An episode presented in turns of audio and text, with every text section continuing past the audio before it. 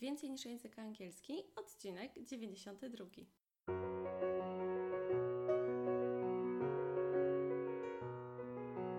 Witaj, nazywam się Ewa Ostarek i jestem trenerem języka angielskiego. Sprawiam, że język angielski to przyjemność. Słuchasz podcastu Więcej niż język angielski, który został stworzony dla kobiet takich jak ty, które chcą odkryć i pogłębić w sobie pasję do języka Witam Cię w angielskiego. kolejnym odcinku naszego podcastu i na początku Ci powiem, że u mnie się bardzo dużo różnych rzeczy dzieje, więc y, trochę Ci opowiem także, żebyś wiedziała, że można dzielić się takimi małymi rzeczami, sukcesami, a potem zaraz przechodzimy do naszego tematu, bo naszym dzisiejszym tematem są przedimki w języku angielskim, ale tylko trzy. Także ostatnio miałam e, możliwość tworzenia dla EduNation materiałów pod webinar, który odbędzie się 29 sierpnia i będę opowiadała o sposobach na gramatykę online i o tym, jak jej można uczyć. Jeżeli mam już przygotowaną całą prezentację, to będzie wydarzenie na żywo 29 sierpnia i moja prezentacja, moje wystąpienie będzie od 13.15 do 14.00, a wszystkie szczegóły są na stronie EduNation. Także zachęcam Cię tam, żebyś wpadła i zobaczyła, e, jakie jeszcze osoby biorą udział, no i co tam ogólnie się będzie działo.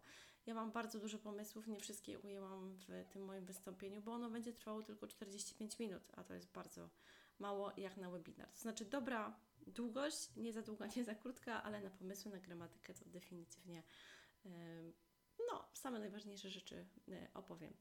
Tworzyłam także nowy artykuł do życia szkoły i y, muszę Ci powiedzieć, że mój artykuł o głosie w redakcji Życia Szkoły bardzo się spodobał i są plany, żeby był przedrukowany także do innych magazynów, y, takich jak na przykład Biologia w szkole. Także bardzo, bardzo mnie to y, cieszy. Także to jest tyle i w końcu dostałam całą moją paczkę z numerami horyzontów anglistyki i życia szkoły. Z racji tej pandemii, która była, to po prostu no, poczta, że tak powiem, nie działała, ludzie pracowali zdalnie i już dostałam całą moją paczkę z trzema numerami, także bardzo się cieszę. I to jest zawsze coś innego oglądać swoje teksty w wersji drukowanej niż tylko je wyłącznie, no tak po prostu w wersji PDF przy korekcie autorskiej. Mam nadzieję, że Ty także pamiętasz o różnych takich drobnych rzeczach i sukcesach, bo ja Ci chcę też pokazywać, że to, że na przykład teraz y, mój artykuł o głosie, który napisałam już wcześniej, się spodobał, to po prostu jest praca, zbieranie materiałów, praca, pisanie tekstu, korekta, praca i tak samo jest w języku angielskim. Więc przechodzimy teraz już do konkretów i dzisiaj będziemy zajmowali się przedimkami w języku angielskim. Ja Ci opowiem o najważniejszych zasadach, bo dla mnie jest istotne, żebyś to dobrze zrozumiała i będę używała tutaj wersji spolszczonej tych przedimków, czyli nie będę mówiła the, tylko będę mówiła the, żeby po prostu było Ci łatwiej tak zrozumieć. I czym się zajmiemy? Zajmiemy się przedimkami e, en i the albo the po prostu, żeby było łatwiej. Jest kilka zasad i to wcale nie jest trudne, ale najważniejsze jest to, żebyś sobie potem przećwiczyła w swoich własnych przykładach y, zdań, żebyś sobie zapisała na przykład na małych karteczkach, fiszkach swoje własne przykłady zdań z tymi przedimkami i stworzyła takie zdania, które będą dla Ciebie prawdziwe. No bo też o to chodzi, żeby wszystkie rzeczy było łatwo zapamiętać. Przede wszystkim zacznijmy sobie od tego, kiedy jest e, a kiedy jest en. Tych dwóch używamy, albo tego przedimka używamy tylko przed policzalnymi rzeczownikami w liczbie pojedynczej. Czyli w liczbie mnogiej e albo en nie ma. Nie ma e-books. Po prostu są books. To jest pierwsza zasada. I wtedy ona już Ci bardzo ułatwia, bo Ty już wiesz, że jak jest liczba pojedyncza, aha, dobra, liczba pojedyncza, rzeczowniki w liczbie pojedynczej, policzalne, to używamy e albo en. I to jest tyle. Czyli możemy powiedzieć I've got a new car. I've got a new car. Mam nowy samochód. Po prostu. Mamy e car, albo też może być a new car. I to jest tyle. Ale teraz skąd my wiemy, czy używamy e czy en?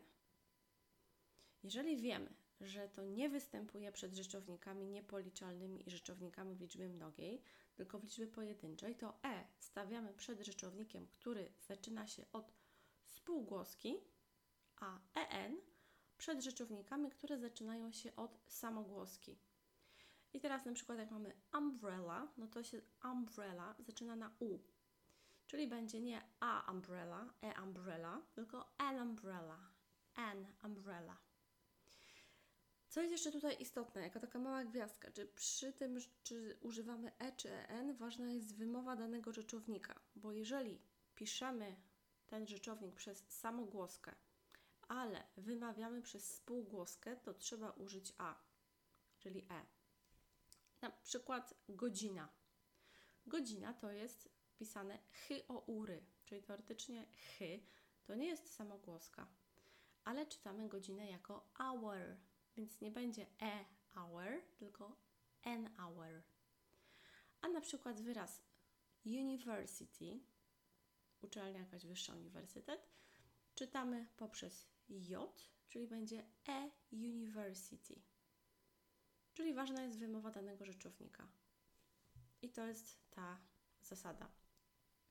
Kiedy jeszcze używamy tego e i en, gdy traktujemy daną osobę lub przedmiot jako reprezentanta danej grupy i nie interesuje nas, o którą y, osobę lub rzecz dokładnie chodzi. Kiedy wymieniamy po prostu coś, że y, kiedy mówimy o tym czymś, można powiedzieć, po raz pierwszy i mówimy tylko, że coś jest, tak? Mam nowe auto. I've got a new car. No nas nie interesuje, jakie to jest auto, jaki to jest kolor, po prostu opowiadamy o tym, że coś jest. I to jest jakby to, nie precyzujemy, jakie to jest y, auto, y, jaka marka, kolor czy coś, jedno z wielu.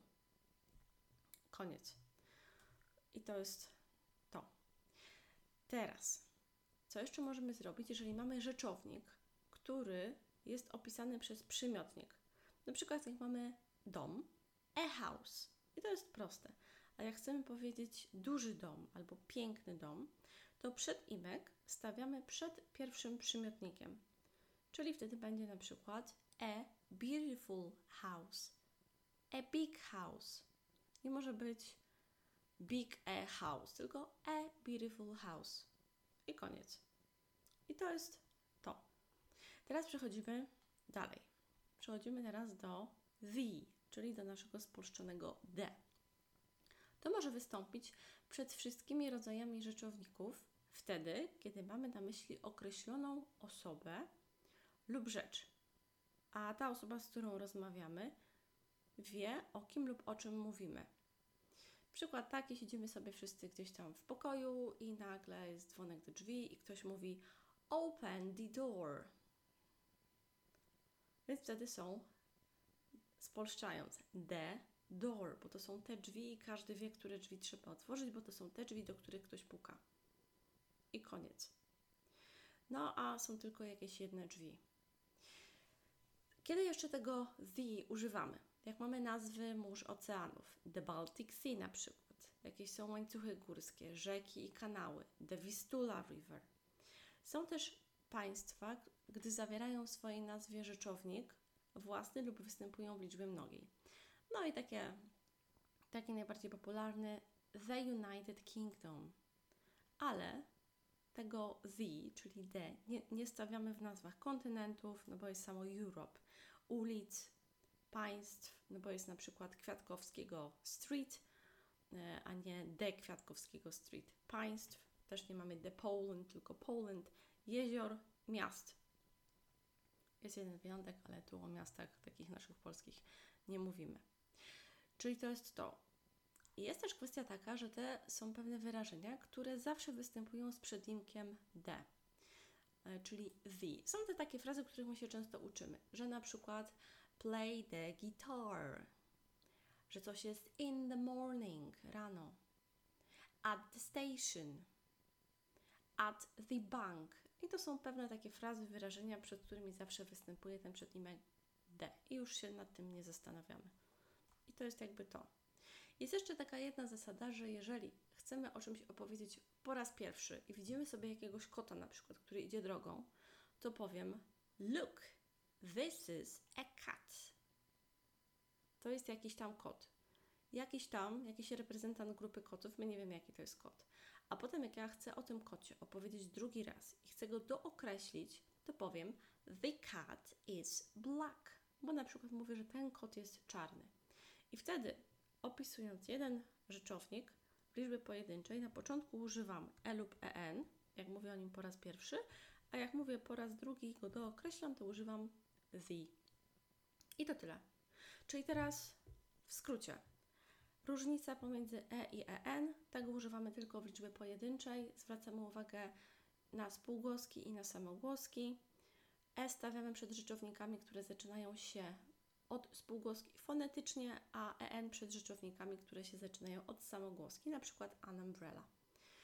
Jeżeli chcemy opowiedzieć o czymś, yy, jak mamy konkretną jakąś osobę, rzecz, o której wiemy, co mówimy, że na przykład I have got this in the kitchen. Mam to w kuchni. No to mamy jedną kuchnię w domu, więc to jest ta jakaś jedna kuchnia, to używamy the. E, albo w nazwach różnych własnych, jak dla nas najważniejsze jest e, to, żeby to było na przykład Morze Bałtyckie, e, nasza Wisła, a nie stawiamy przed Europą, nie stawiamy przed naszymi nazwami miast. I są też pewne wyrażenia, które zawsze występują z tym przedimkiem D.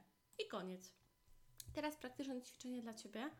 Weź sobie kilka przykładów y, zdań, które sama będziesz chciała napisać i zrób sobie z nimi karteczki, fiszki, tak żebyś dokładnie wiedziała, jakie możesz zastosować. Bo jeżeli na przykład nie masz kota, ja nie mam kota, tylko mam psa, no to mogę swoje zdanie ułożyć z psem. Albo jeżeli lubię dużo rzeczy robić rano, to mogę użyć frazy in the morning i już użyję sobie frazy na przykład I drink a delicious coffee in the morning. Już. Ważne, żeby to były zdania prawdziwe, dopasowane do Ciebie, bo wtedy to naprawdę będzie miało sens. A jeżeli chcesz sobie poćwiczyć także inne różne rzeczy, takie wstaw w odpowiedniej formie, czy tam dopasuj przed imek, to oczywiście możesz sobie wpisać w Google i Ci wyskoczy mnóstwo takich ćwiczeń, tylko najważniejsze jest to, żebyś miała przećwiczone, jak to możesz używać w mówieniu, no bo przecież mówienie jest najważniejsze i to jest nasza komunikacja. Dziękuję Ci bardzo za wysłuchanie tego odcinka podcastu. Starałam się to streścić in a nutshell, czyli w takich konkretach. Jeżeli to Ci się spodobało i wiesz, że jest też jakaś osoba, której może się ten odcinek spodobać, to prześlij jej proszę do tego odcinka link. Ja Cię też zapraszam do słuchania innych poprzednich odcinków podcastu, na przykład całej serii odcinków gramatycznych. Zapraszam Cię także do odwiedzenia mojego sklepu sklep.ewaostarek.pl E, gdzie czeka na Ciebie wiele różnych materiałów o tym, jak uczyć się gramatyki języka angielskiego w lekki i przyjemny sposób. A na dzisiaj to już tyle i do usłyszenia niebawem. Dziękuję, trzymaj się ciepło. Cześć!